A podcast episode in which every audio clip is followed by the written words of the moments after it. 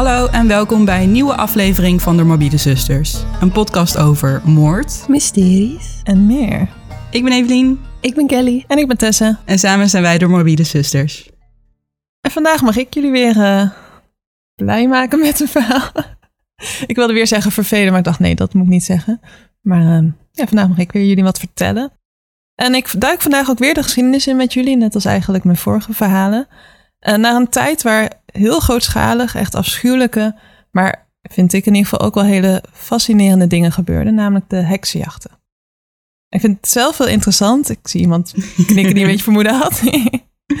ik vind het zelf interessant dat het wel echt een voorbeeld is van een tijd waar we nu met onze moderne blik naar kijken en eh, totaal anders kijken naar hoe het in die tijd beleefd werd.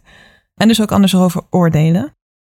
En er zullen vast enkele uitzonderingen zijn bij onze luisteraars, maar de meeste mensen geloven tegenwoordig niet meer echt in magie en dat heksen in ieder geval op die manier bestaan. En dus ook dat de beschuldigde heksen onschuldig waren. En dus dat ze eigenlijk ook heel onterecht zijn opgepakt en gemarteld en geëxecuteerd. En dus niet echt die misdaad hebben gedaan. En ik denk dat we ook al een beetje geneigd zijn om misschien te denken dat ze dan ook vooral voortkwamen uit andere motieven. Dus misschien politiek intrige of eh, seksisme natuurlijk, en vooral in Europa. Of burenruzies. En dat is denk ik ook wel... burenruzies. Burenruzies. Ja, nou ja, heel veel was toch van, oh, diegene is irritant, die heeft het niet van mij gejat, dus dat zal wel een hek zijn. eh. Fair enough. ik, denk, ik denk in ieder geval dat het best wel vaak ook wel klopt. Maar ik vind het ook wel heel intrigerend om te zien hoe eh, geloof in magie ook echt wel een rol speelde bij zowel aanklagers als beschuldigden. En ik denk dat de twee verhalen die ik vandaag ga vertellen ook wel een beetje beide kanten mooi laten zien. Superleuk onderwerp trouwens. Ja, echt. Ja. Mooi, ik ben benieuwd. Past ook wel weer bij jou, maar Hoezo, vind je mijn heks? sowieso. Je bent toch onze huisheks? Oh, oké, ja. En met mijn vlaskamer. eh, Ja, daarom. throwback naar uh, kerstaflevering. Ja, ik wil dat tellen, maar dat eh, weet jij beter. Dus wat ik deze aflevering wil doen, is ehm, het verhaal van twee bekende Europese heksenjachten vertellen. En als je het onderwerp een beetje kent, dan ken je deze zaken vast wel. Maar mij valt het op dat als we aan heksenjachten denken of heksenprocessen, dat we eigenlijk vooral denken aan Salem. Ja. Ja. En dat is ook deels wel terecht, want dat was ook echt wel een, hele grote, een heel groot heksenproces. Er zijn zo'n 19 personen opgehangen. Eén persoon is doodgemarteld en nog vijf, of nou ja, de getallen verschillen een beetje, maar zijn eh, overleden tijdens de gevangenschap. Dus dat is echt wel heel veel. Maar het is ook bekend door de grote invloed die Amerika op onze cultuur heeft. En dat het daarom dus vaak in films en series en boeken voorkomt. Terwijl in Europa konden we er zeker ook wat van. Sterker nog, eh, we hebben het daar geïnspireerd in Salem. Vooral in eh, katholieke gebieden zijn in Europa echt tienduizenden mensen. En vooral vrouwen, waarschijnlijk zo'n 80% geëxecuteerd tussen 1450 en 1750. Dat is eigenlijk niet zo heel erg de middeleeuwen, wat de meeste mensen denken. En ja, dit feitje heb ik van Wikipedia.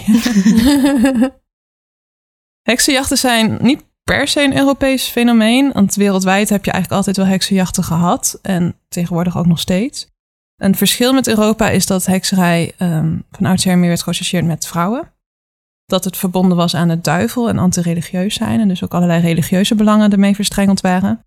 En dat we dus over het algemeen nu ook niet meer geloven in magie. En dus met die blik terugkijken en ook een soort verklaring of verantwoording zoeken.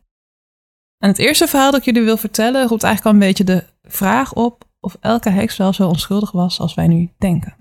Oeh. Ik ben benieuwd hoe jullie daar na afloop over denken. En daarvoor neem ik jullie mee naar 18 maart 1612 naar het Pendelbos in Lancashire. En een meisje genaamd Alison Davis, die liep hier op de grote weg bij Colne richting Tallen Forest. Beetje midden Engeland. En haar hele familie was heel arm. En ze had ook nog een jonger broertje en zusje die hongerig thuis zaten. Eh, De negenjarige Janet en de tienerjonge James. En om te kunnen zorgen voor een warme maaltijd of wat dan ook nodig was, was haar plan om in Talden Forest te gaan bedelen. Terwijl ze daar liep, kwam er een marskramer langs, genaamd John Law uit Halifax. En Allison vroeg de marskramer om haar wat pinnen te geven. En of ze nou ook echt bereid was om te betalen, weten we niet. Maar in ieder geval had John Law reden om te weigeren en hij wilde dus geen pinnen geven aan Allison. Dit maakte Allison heel boos en ze staarde hem dan ook na terwijl de marskramer verder liep. En op dat moment verscheen er een zwarte hond. En deze hond was geen vreemde voor Allison, want ze hadden een half jaar eerder al kennis gemaakt. De hond had haar toen precies datgene gevraagd ja, gevraagd. Waarvan haar oma, oma Demdijk, al had gezegd dat dit haar gevraagd zou worden. En ze deed toen ook precies wat haar oma had gezegd dat ze moest doen in die situatie. Ze stond namelijk de hond toe om aan haar te zuigen. Om dus aan haar borst onder de tepel te zuigen om de bloed te drinken.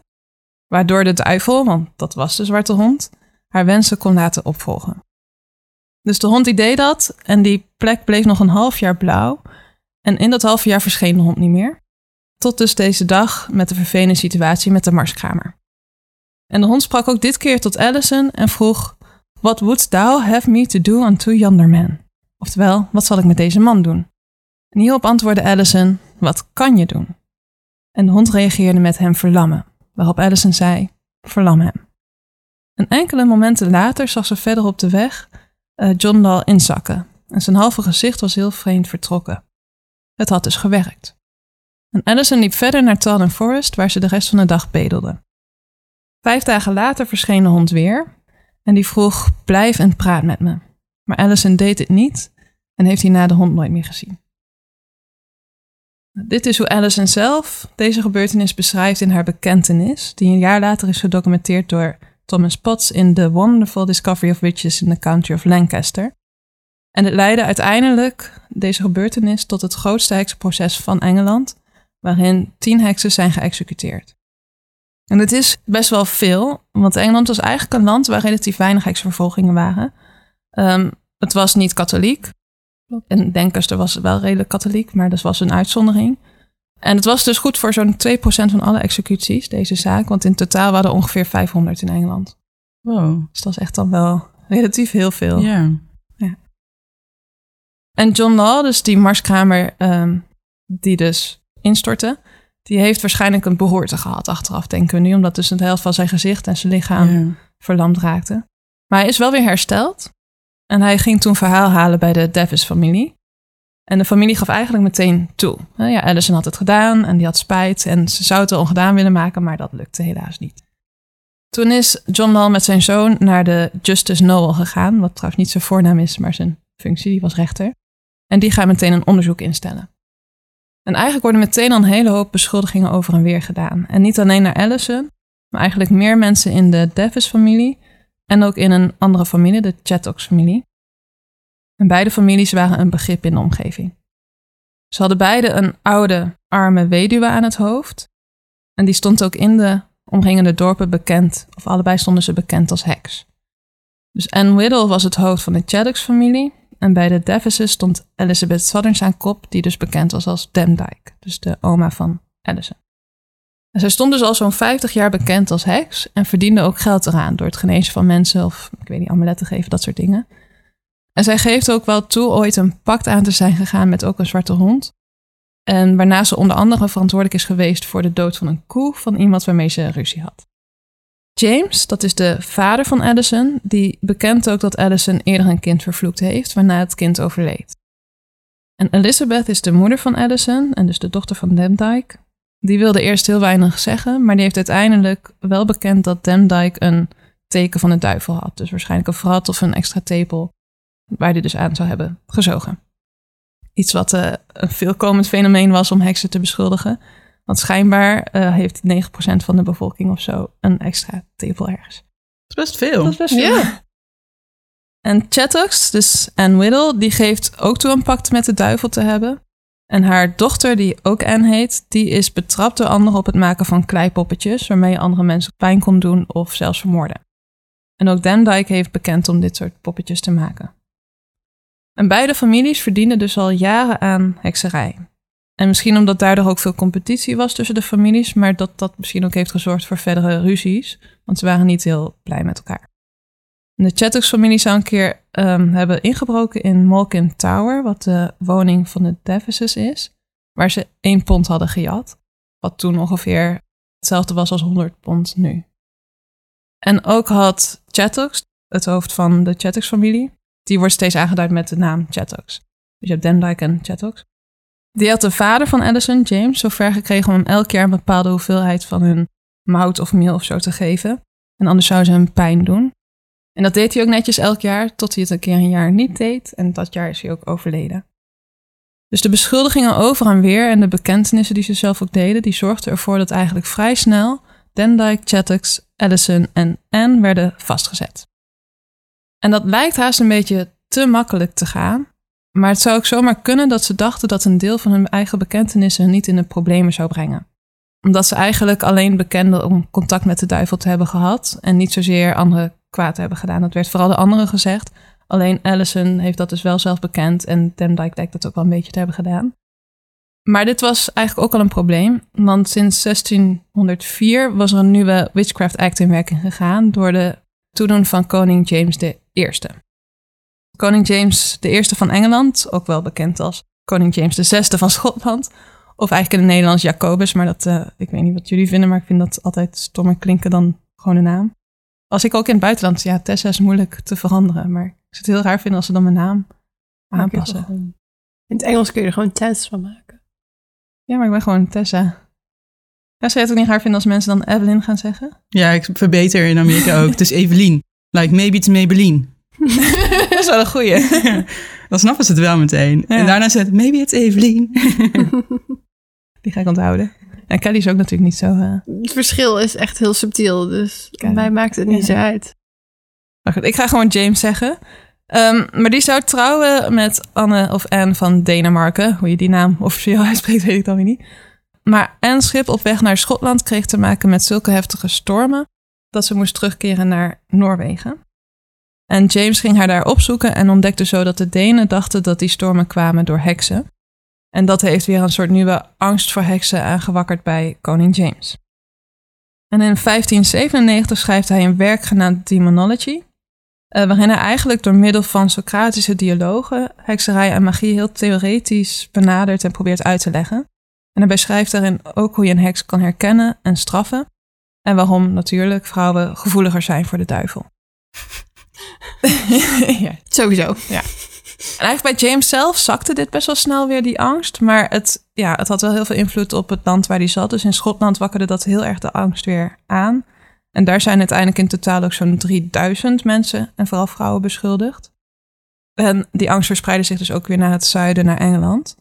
En daarvoor werd eigenlijk hekserij vooral als probleem pas gezien zodra er iemand was vermoord of de echt slachtoffers vielen. Dus vrouwen die genazen of die uh, daar wat magie gebruiken waren niet zo'n probleem. Maar door James ontstond dus het idee dat elke gebruik van magie en elk contact dat je met de duivel hebt, onchristelijk was en dus ook strafbaar was. En dat leidde dus tot die nieuwe Witchcraft Act, waarin dat ook echt illegaal werd. Dus elke vorm van magie was dus dan strafbaar. Dus dat hebben de heksen uit Pendel ook wel tegen zich gehad. Dus dat ze überhaupt bekende contacten hebben gehad met de duivel.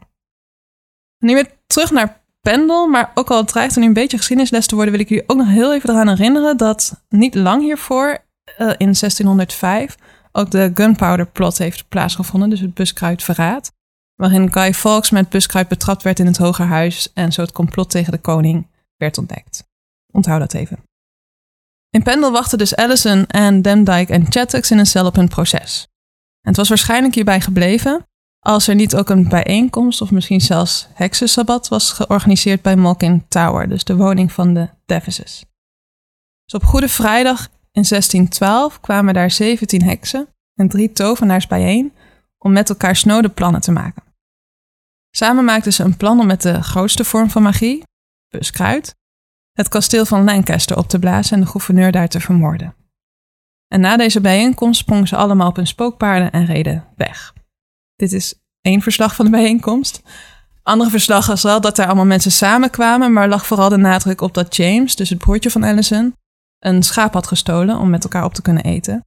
En dat vooral dat zou hebben gezorgd voor weer extra beschuldigingen en gedoe, waardoor nog acht mensen zijn opgepakt. Daaronder ook James zelf en ook zijn moeder Elizabeth. En hierdoor zaten eigenlijk zo'n vier maanden zaten ze met in totaal twintig mensen in een kleine cel opgesloten tot het proces begon.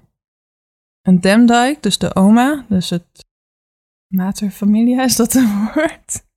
Ik zit te denken aan pater familias, matriarch. Ja, ja, dat is het in het Engels, maar... In ieder geval de hoofd van het familie, die, um, die overleed al voor het proces begon door de slechte omstandigheden in de gevangenis. Uiteindelijk ging een heel groot deel van het proces af van uh, getuigenissen van kinderen.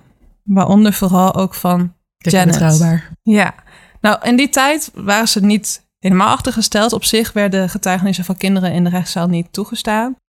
Alleen voor heksenprocessen werd overal een uitzondering voor gemaakt. Dus Mm. alle regels werden daar eigenlijk overboord gezet. Dus daar was eigenlijk alle bewijs goed bewijs. Dus daar werden de getuigenissen wel gebruikt. En dan vooral heel erg de getuigenissen van Janet Davis. Dus dat was de jongste telg in de Davis-familie. En zij getuigt ehm, tegen iedereen die bij de bijeenkomst was.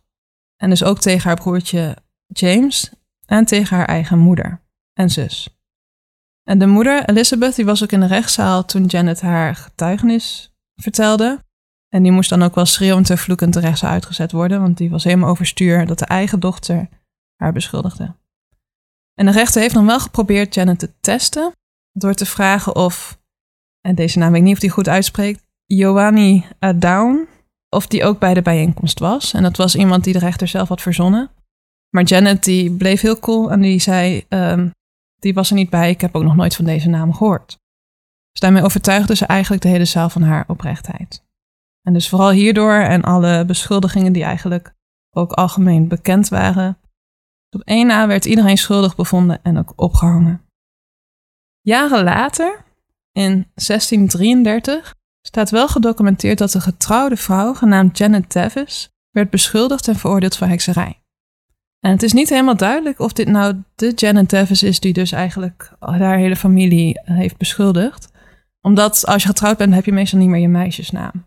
Maar heel veel mensen denken dat zij dus toch uiteindelijk nog zelf slachtoffer is geworden van de heksenjacht. Um, alleen is ze volgens mij, het is wat onduidelijk, maar is ze wel vrijgepleit van executie. Ze waren in die tijd iets minder voor de doodstraf. Um, maar is misschien wel overleden in de gevangenis. Dus nog wel een interessant einde. Maar ik vind het zelf heel interessant in deze zaak dat eigenlijk een hele hoop van degenen die dus geëxecuteerd zijn, wel ook zelf geloofden dat ze magie gebruikten en daar kwaad mee deden. Ik weet niet hoe jullie erover denken, ben er wel benieuwd naar. Maar ze hebben natuurlijk niks gedaan, maar ze hadden wel de intentie iemand te vermoorden. Ze geloofden dat ze het hadden gedaan en er gingen ook mensen dood. En dus eigenlijk, wat is nou dan precies het verschil? Er is wel een verschil, maar tussen dat en iemand daadwerkelijk op een andere manier hebben vermoord. Voor hun in ieder geval weinig, denk ik. Ja, voor hun weinig. Ze hebben de, tussen aanhalingstekens, pech gehad dat ze daadwerkelijk ook kwaad hebben gedaan. Wat natuurlijk ook ja, toeval waarschijnlijk is geweest. Ik ben heel erg benieuwd hoe ze hadden gereageerd als er niks was gebeurd. Ja. Je bedoelt als ze wel een vloek hadden gedaan ja, en die mensen en doorliepen. Dat er, dat er ja. verder niks... Uh, hoe ga je dat dan en dat gebeurt natuurlijk ook heel vaak, denk ik. Ja, daarom. Want die vervloekte misschien de hele tijd door mensen. ja. Maar ze leken wel echt te denken dat... Het gebeurde misschien ook dan toevallig vaak. En die tijd gingen misschien gewoon veel mensen dood. Maar het leek wel alsof zij in ieder geval zelf dachten dat ze succes hadden. Dus er zit uh, ergens een kern van waarheid in die slechte... Soms in sommige tv-series dan zeggen ze toch... It wouldn't kill you to be nice. En dan valt iemand om. Eigenlijk is dit een beetje zo'n voorbeeld. Ja, wie weet dat van, gewoon je hebt echt het eigenlijk werkt. niet gedaan, maar ja, eigenlijk. ja. Maar in Nederland heb je ook poging tot moord kan worden bestraft. Dus dat het niet daadwerkelijk is gelukt. Stel, er zou nu hier iemand zijn die zelf gelooft in magie. En dat diegene iemand kan vervloeken um, door gewoon iets uit te spreken. En dat doet. En daadwerkelijk denkt diegene te vermoorden. Alleen dat gebeurt dan niet. Is dat dan poging tot moord? Juridisch gezien lijkt me dat niet, toch? Maar wat is het verschil tussen een heel plan opstellen door een van de ritueel uit te oefenen en die vloek uit te voeren?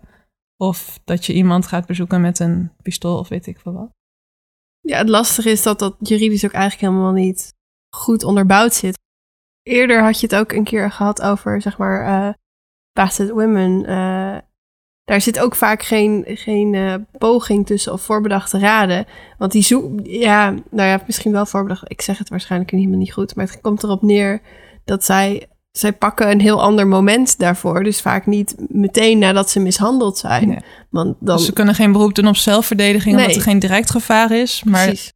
Nee, maar Tessa bedoelde net toch dat dit is dus helemaal gepland.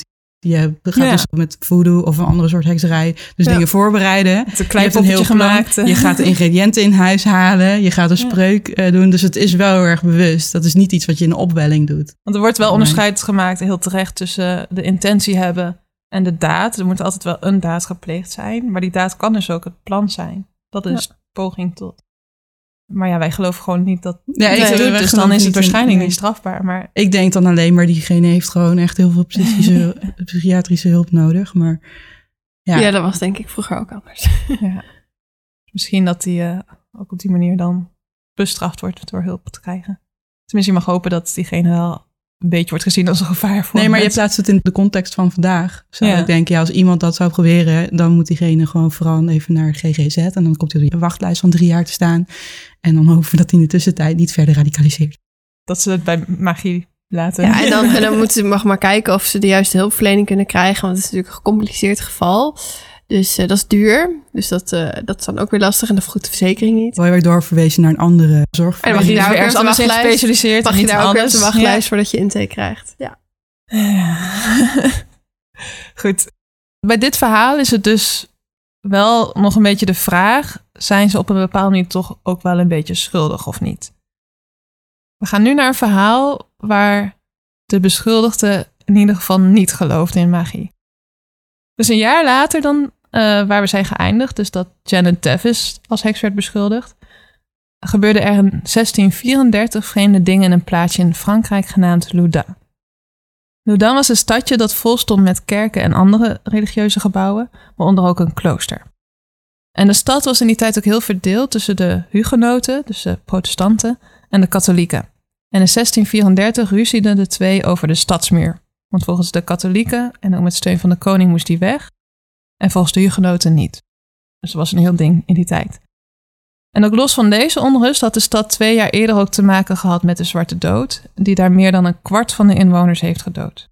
Dat is echt wel behoorlijk. Maar de Ursuline nonnen in het lokale klooster die hadden geluk gehad. De pest was namelijk niet bij hun doorgedrongen. Dit klooster bestond uit 17 jonge nonnen die werden geleid door de gebochelde moederoverste Jean des Anges. Dus in het Nederlands ook weer Johanna van de Engelen, maar dat ga ik niet doen. De Ursulinen waren een katholieke orde, 100 jaar eerder gesticht en hadden als beschermheilige Ursula van Keulen, die de patroonheilige van leraressen en schoolkinderen was. Ah. Ik dacht voor ons wel een interessant feitje. En was je in die tijd jong en ongetrouwd, dan werd je vaak naar zo'n klooster gestuurd om toch een vroom en zedelijk leven te hebben. Want niet alleen de pest kwam niet binnen deze muren, ook mannen waren niet toegestaan op spiritueel leider Jean Millon na. Toch drong er wel nog iets anders de kloostermuren binnen. Nog iets veel duisterder en sinisterder dan de pest of mannen. Ik kon het niet laten, sorry. Ja, die is echt leuk. Laat erin. Iets dat niet alleen het klooster binnendrong, maar ook de nonnen zelf. Omhoog gekropen uit de hel en aangemoedigd door een heerser, de duivel, drong niet één, maar wel 18 demonen het convent binnen om de nonnen te plagen, te betoveren, te verleiden en te bezitten. 18. Er waren 18. toch 17 jonge nonnen en moeder overste? Ja. Oh. Ik zal ze zo meteen eh, aan jullie voorstellen wie precies. Het begon met visioenen. Een van de jonge nonnen vertelde dat ze de recent overleden biechtvader Moussan had zien ronddwalen door de kloostergangen. En daarna begonnen meer zusters visioenen te zien die in de loop van de tijd ook steeds vaker vorm aannamen van een specifiek persoon, namelijk de lokale dorpspriester Hubert Grandier.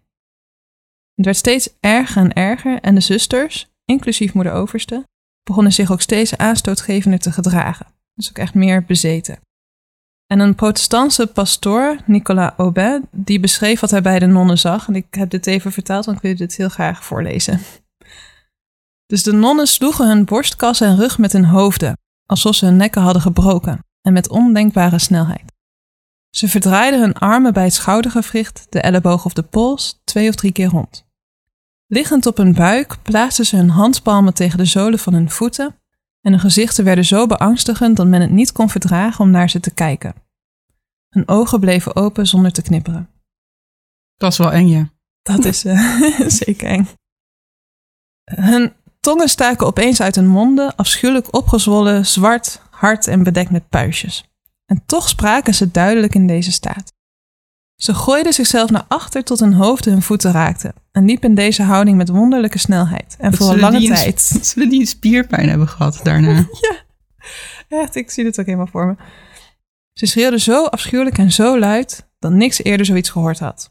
En ze maakte zulke onfatsoenlijke uitingen dat ze nog de meest losbandige mannen beschaamden. En hun daden, waarmee ze zowel zichzelf blootstelden als onzedelijk gedrag uitlokten bij de aanwezigen, zou bewoners van de meest platvoerse bordelen in het land hebben verbaasd. Dus dit is zijn beschrijving van de bezeten nonnen. Hij is wel eh, vrij specifiek en gedetailleerd. Ja, dat was fijn om eh, een beetje een beeld te kunnen krijgen. Ja. Maar even een vraagje. Als je nou zou horen dat een paar dorpen verderop je dit kon zien gebeuren, zou je dan een kijkje gaan Ja. nemen? ja, ik ben wel een klein beetje een ramtoerist, zeg ik heel eerlijk. Maar het is ook wel een schouwspel dat je niet vaak tegenkomt. Nee. Zelfs in die tijd volgens mij. Ja, ik, ik blijf toch gewoon denk ik een beetje naar de Aan de ene eng. kant is het wel iets dat je denkt dat je zou willen zien, maar als je de context van die tijd plaatst, dan denk ik, hmm, Jij zelf dan, Tessa, zou je erheen gaan? Ja, ik denk het wel. Maar gewoon ook omdat ik denk, nee, dat kan niet. En dan wil ik zien... Er zijn een aantal dingen waarvan je denkt, dat, dat Kan gewoon kan niet. niet. Dus Nee. ik zou dan toch Dan wil je wel hoe bewijs. ze dat dan Ja. proberen te laten zien of zo. ja, aan de ene kant zou ik wel bewijzen en aan de andere kant ben ik dus niet zo van ramptoerisme. Nou, ramptoerisme, zolang inderdaad ze niet anderen pijn doen of zo. Nee, het is Ik wel, ik noem het ramtoerisme, maar het is gewoon morbid curiosity. Maar ik ga inderdaad niet, als er een ongeluk ergens is, dan zou ik niet langzamer gaan rijden om te kijken. hoor. Of die oude kermissen er- waar je dan mensen die een beetje anders zijn Ja. gaan bekijken, vind ik ook wel... Ja, maar ook ik zeg een tikkeltje eh, ongemakkelijk, ja. maar heel, heel, er zijn heel ook erg echt mensen, als er ergens in hun buurt brand of zo is, dan gaan ze er ook gewoon kijken. En dat Ja, denk, dat doe ja. En laatst ook met, voor de luisteraars al iets minder laatst, ook met Peter R. de Vries, toch? Dat Ja. echt iedereen daarheen ging. Ja, maar om, ook eh, mensen gingen filmen en zo. Ja. Dat vind ik zo respectloos. In ieder geval een heleboel mensen in 1634 die zouden ook gaan kijken. Daar kom ik zo nog wat meer op terug. Eh, De katholieken waren in ieder geval vrij snel overtuigd dat deze bezittingen echt waren. Tuurlijk. En die riepen natuurlijk de hulp in van exorcisten. Eigenlijk was het nog niet zo heel vanzelfsprekend als dat fragment doet vermoeden. Want ook in die tijd kon niet zomaar alles. En waren er ook wel duidelijke regels over wanneer iemand echt bezeten was. De bezetene moest een taal spreken die je normaal niet beheerst. Of je moet iets van helderziendheid vertonen. Of iets van bovennatuurlijke kracht, zoals bijvoorbeeld zweven. Iets wat we ook van Janet uit de Enfield aflevering kennen. En dat was eigenlijk niet echt sprake van. Ehm, maar voor de exorcisten was het toch wel geloofwaardig. Omdat ze wel, eh, ze konden de demonen in kaart brengen. Dus ze konden zien waar ze zaten en welke het waren. En dat was dus eigenlijk bevestiging genoeg voor hen. Zo was moeder overste Jeanne Desange bezeten door zeven duivels. Waaronder één in haar voorhoofd, één onder haar rechterribben en één in haar maag. Ik heb het verder niet gevonden, maar het schijnt allemaal in het boek van eh, filosoof Michel de Certeau allemaal op een rijtje zijn gezet. En ze kon ook precies identificeren welke dem- demonen waar zaten. En ik noem ze maar eventjes op. Dus ik roep ze niet op, ik noem ze op. Even duidelijk verschil. Hé, jammer. Dus het was Asmodeus, Zabulon, Issachaaron, voor zover ik het allemaal goed uitspreek hoor. Astaroth, Gresiel, Amant, Nephaiatom, Behemoth, Beeri, Easas, Celsus, Akaos, Sedon, Naphthalim, Cham, Urel, Achas en Alex. Ik vond het zo leuk dat Alex dat was. En Alex. En Toen Alex. waren de namen op. Toen werd het Alex. Dus blijkbaar eh, hebben een heleboel mensen een eh, demonennaam zonder dat ze het misschien weten. Maar inderdaad, je zei het al Kelly, dus 18 nonnen en 18 demonen, dus een gezellige boel. Maar zij had er dus meer. Ja, ze had er zeven, maar ik denk dat de demonen wel meerdere plekken kon inbrengen. Ik weet in ieder geval, er was nog één, die had er ook zeven, dus dat is al 14. Ehm, Dat moet dan wel. dus misschien dat, ze ze dan- zich ook konden ja. opsplitsen of zo, eh, dat denk ik. De exorcismes duurden maandenlang en al vrij snel besloot een van de exorcisten dat het ook een goed idee was om ze publiek te houden. En dit betekent dat het heel veel publiek trok van heinde en ver om te zien hoe deze zusters doordraaiden, maar ook schunnige dingen zeiden. Of zoals de heren van de Last Podcast on the Left suggereren, een ontbloot boven het been te kunnen zien. Natuurlijk in die tijd ook een mooi spektakel. Het was ook niet vaak buiten dromen dat je een vrome zuster op die manier natuurlijk kon zien. Het schouwspel bracht de lokale bisschop en prins Louis de Bourbon dan ook in een religieuze extase. Vond ik een mooie toevoeging. Eh, De exorcismes duurden een hele tijd, maar leken wel beetje bij beetje, dus demon na demon, hun werk te doen. En de katholieken dachten hiermee misschien ook wel de dorpelingen te kunnen overtuigen van hun religieuze superioriteit. Dus ik denk dat het daarom misschien publiek was. Dat het Zieltjes succes. winnen. Ja, want helemaal omdat die strijd tussen die protestanten en katholieken daar eh, toen heel groot was. Denk ik dat dat wel meespeelde. De hugenoten waren ook een stuk sceptischer. En misschien wel de meest sceptische persoon, wat trouwens een katholiek was, maar de, was de lokale priester Hubert Grandier, die dus ook in de dromen of visioenen van de nonnen was verschenen. Dus hij had de aartsbisschop van Bordeaux uitgenodigd om de nonnen te onderzoeken. En zoals verwacht vond die bisschop ook niks ongewoons. Toch geloofde de katholieke geestelijke en spiritueel leider van het klooster, Jean Mignon, Grandier en de aartsbisschop niet. En dit was heel vervelend voor Grandier, want hij was dus niet alleen onderdeel van de visioenen, hij werd ook beschuldigd van het veroorzaken van de bezetenheid en liep dus het gevaar om vervolgd te worden als heks. En voor ik daar iets verder op inga, wil ik jullie eerst wat beter voorstellen aan deze priester. ik zie iemand al kijken. Herbert Grandier was een katholieke priester die door de Jezuïeten was opgeleid. En die zijn heel erg bezig met onderwijs en daardoor was het ook echt wel een gevatte en welbespraakte man die ook niet klakkeloos alles aannam wat de kerk hem voorschreef. Naast gevat en welbespraakt was het ook een rijke, knappe, een arrogante maar toch ook charmante man. En zijn preken waren erg populair bij de dorpelingen en de vrouwen waren zeer van hem gecharmeerd. En als je dit nou hoort, ja, welk onderdeel van het priesterschap denken jullie dat hij wel een beetje frustrerend zou vinden?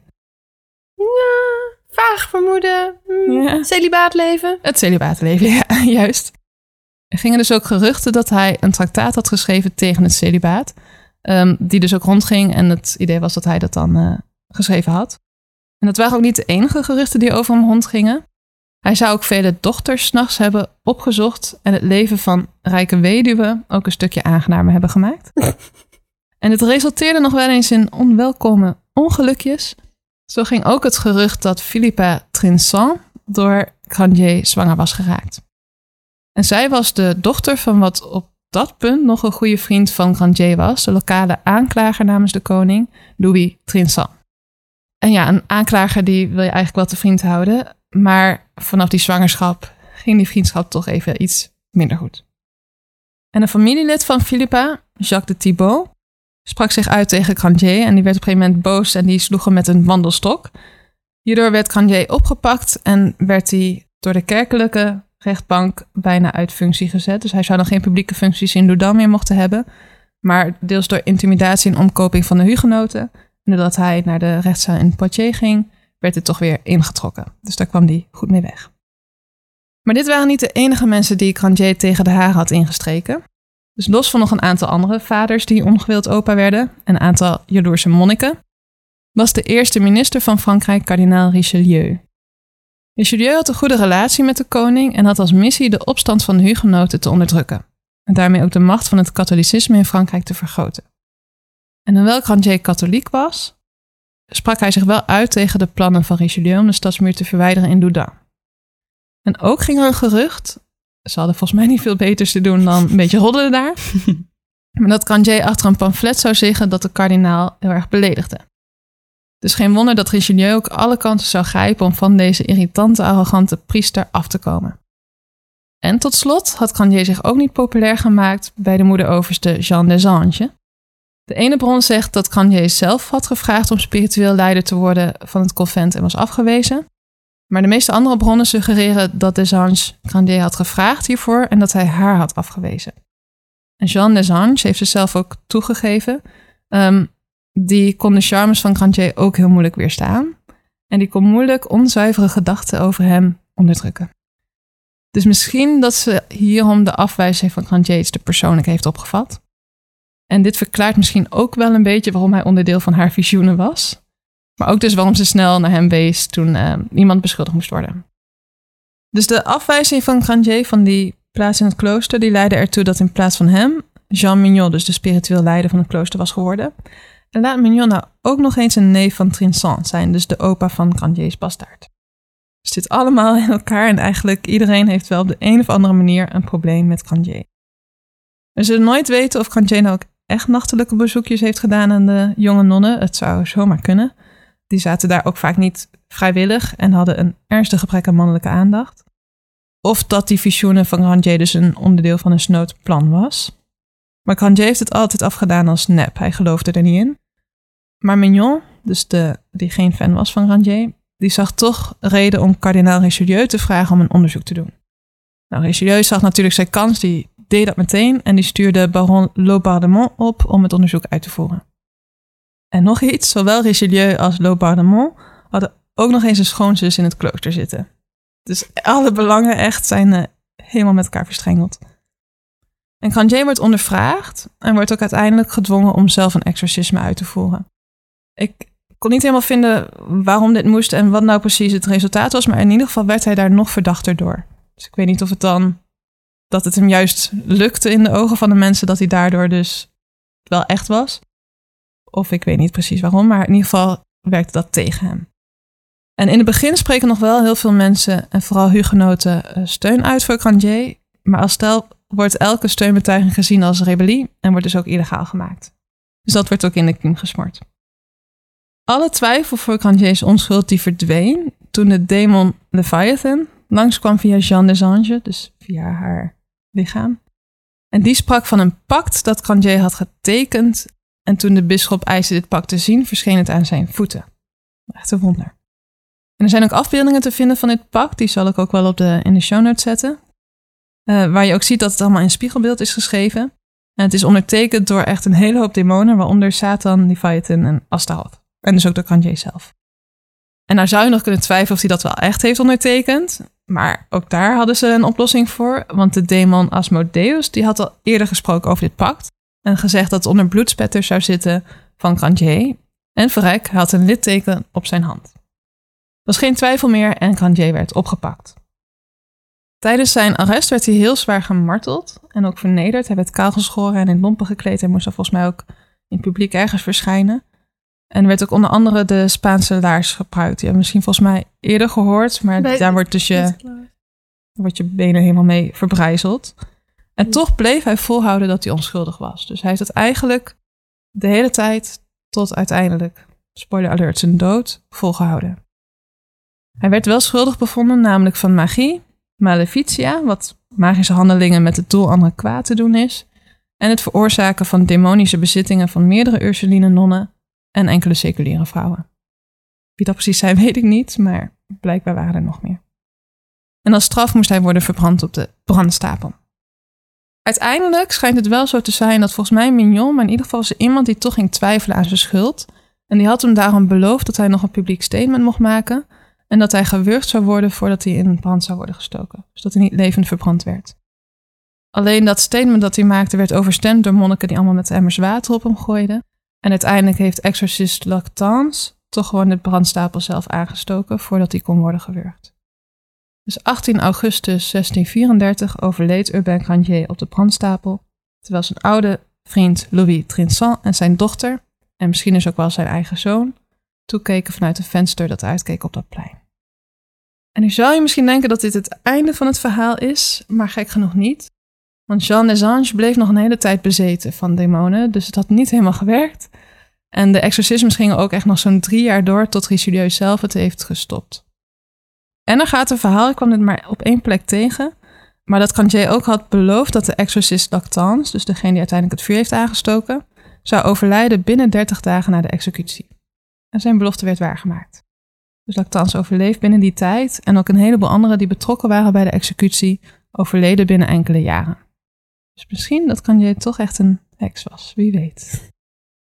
Nou, deze gebeurtenissen in Loudun zijn echt voorgeweest voor een heleboel analyses van schrijvers en psychoanalytici en filosofen ook. Uh, dus de psychoanalyticus, ik heb hem even genoemd, en trouwens historicus en filosoof, eh, Michel de Certeau heeft er een boek over geschreven. En het bekendste is denk ik het boek van Aldous Huxley, de mhm. schrijver van uh, Brave New World. Die heeft ook een non-fictieboek over geschreven die uiteindelijk ook de basis vormde van een van de meest controversiële films ooit. The Devils van Ken Russell. En ik heb een paar fragmenten op YouTube gezien. Hij schijnt ook wel moeilijk te vinden te zijn. Maar het is ook uit de jaren 70, 1971. En het is wel echt... Uh, het is indrukwekkende stijl. Laten we het daarop houden. wel interessant denk ik om een keer een filmavondje mee te doen. ik ben voor. En bij dit verhaal dus echt wel duidelijk een voorbeeld van een heksenjacht op iemand die echt wel het slachtoffer was van allerlei politieke spelletjes en religieuze spelletjes. En echt wel de zondebok van deze mensen was. Ik ben benieuwd, wat vonden jullie van dit absurde verhaal? Nou, is hij echt een zondebok als hij... Het groot deel denk ik toch ook dat hij het zelf heeft veroorzaakt. Ja, hij hield gewoon van vrouwelijk schoon. Wat is daar mis mee? Daar is niks mis mee. Misschien moet je het niet bij nonnen doen. Maar... Nee, en misschien niet overal naar handelen wat je denkt en wat je wil. Ja, aan de andere ik, ja, ik, ik, ik probeerde een beetje, wat vind ik nou van die Urbeck Randier? Want het is sowieso echt een apart persoon. Maar hij, als je echt gewoon tegen het celibaat bent en niks opdringt, dus dat het wel allemaal vrijwillig was, ja, dat weet je natuurlijk ook allemaal niet. Nou, dat vraag ik me dus af. En ook gewoon Ja, de bro code. Come on, these are your friends. dat het de dochter van een vriend was. Ja. Ja, oké, dat is misschien Dat ook zijn van die dingen die ik een beetje sketchy Niet heel vind. tactisch. En Nee. natuurlijk ook het leeftijdsverschil vind ik daarin. Ja, weet ik ja, dat zal waarschijnlijk wel er zijn. Kom op, Ja. dat zal sowieso mee hebben gespeeld. Nee, het was ook geen per se leuke, goede man. Maar ik denk niet dat hij daadwerkelijk echt mensen kwaad heeft gedaan in de zin van nonnen laten bezitten of eigenlijk de dingen waar hij voor te dood veroordeeld is. Maar dat het echt een plezierige man was, dat eh, geloof ik nou niet. Nee. Nee. Denk jij dat deze mensen zelf geloofden in wat er met hun gebeurde? De nonnen bedoel je dan? Ja, ik denk het dus wel. Want Jeanne Desange heeft ook een autobiografie geschreven over haar leven. En daarin beschrijft ze dus ook wel dat ze bezeten was. Dus ook dat ze wel Grandier interessant vond, licht uitgedrukt. En volgens mij dacht ze wel echt dat ze bezeten was. En dat ze uiteindelijk geloofde ze wel dat dat zich omzette van iets slechts naar iets goeds. Dus dat uiteindelijk werd ze bezeten door juist positieve geest en heilig. En er zou ook volgens mij Jozef en Maria op een gegeven moment in haar arm verschijnen. Ehm, en ze moest dan een van de bedevaartstocht maken en toen was alles weer goed. Dus dat geloofde ze denk ik wel echt, ja. Er zal waarschijnlijk wel iets van psychische issues bij, eh, of nou persoonlijkheidsstoornis was van meerdere. En dat hebben ze wel vermoeden dat sommige bezittingen, dus dat dat wel ook persoonlijkheidsstoornis was. Ehm, meerdere persoonlijkheidsstoornis, waar dus mensen van persoonlijkheid veranderen en dan niet altijd meer onthouden wat ze in die tijd gedaan hebben. Dus misschien Maar zoiets. Ze of- kunnen ook zijn meegesleurd in... ja, ze hebben elkaar het- wel aangestoken. Ja, En het schijnt ook dat mensen tijd nog niet altijd goed het verschil konden zien tussen dromen en werkelijkheid. Mm. Dus dat ze soms hun droom aannamen voor echt gebeurd. Misschien dat Kantje niet het klooster is binnengedrongen, ja, dat weten we nog steeds niet. Maar dat al die nonnen gewoon droomden over hem. En dan dachten dat dat dus een visioen was of dat het echt gebeurd was. Dat zou ook nog kunnen. Ik weet niet of ze ook echt geloof dat hij de oorzaak was. Ik, dan, dat kwam ook pas na een later, tijdje boven. Dus ik denk wel dat ze echt dachten dat er iets demonisch aan de hand was. En dat dan Kantje een makkelijk mikpunt was. Dat denk ik ook wel. Ik denk dat hij eh, gewoon echt een heel makkelijk slachtoffer was in dit Ja. geval. Ja. Dit waren dus twee verhalen van twee verschillende heksenprocessen die ook wel heel verschillend waren. Dus de ene waar mensen ook daadwerkelijk dachten dat ze misschien wel heks waren en iets verkeerds hadden gedaan. En één aparte, charmante priester die vooral slachtoffer was van een politiek spel. En ik ben ook wel heel benieuwd, zijn er misschien ook luisteraars die eh, of die film hebben gezien over Loudun, dus The Devils van Ken Russell. Of misschien ook het boek hebben gelezen van Aldous Huxley. Of de verfilming van de autobiografie van Jean Desange hebben gezien. Dat zal wel iets minder. Volgens mij is het ook een Poolse film. Maar wie weet, als een van jullie dat heeft gezien, dan eh, horen we dat heel graag. En luister je nou naar ons en vind je de podcast leuk, dan geef ons vooral een 5 sterren rating in de podcast app waarin je luistert. En laat ook een review achter. Je helpt ons heel erg mee en sowieso natuurlijk ook heel erg door ons aan te bevelen bij anderen. En Ben je nou benieuwd hoe deze mensen er dan uitzagen of naar andere details? Eh, volg ons dan op social media. Daar zal eh, Tessa nog voor leuke foto's zorgen. Wij zijn te vinden op Instagram, Facebook en Twitter. Op Instagram en Facebook heten wij De Morbide Zusters en op Twitter Morbide Zusters. We hebben ook een website www.demorbidezusters.nl en hier kan je van elke aflevering het script en de bijhorende bronnenlijst vinden en uiteraard ook foto's. Want die gaat Tessa daar ook op plaatsen. Overal. Overal, op alle kanalen. Dit waren de Morbide Zusters. Tot, de volgende keer! Op naar de laatste.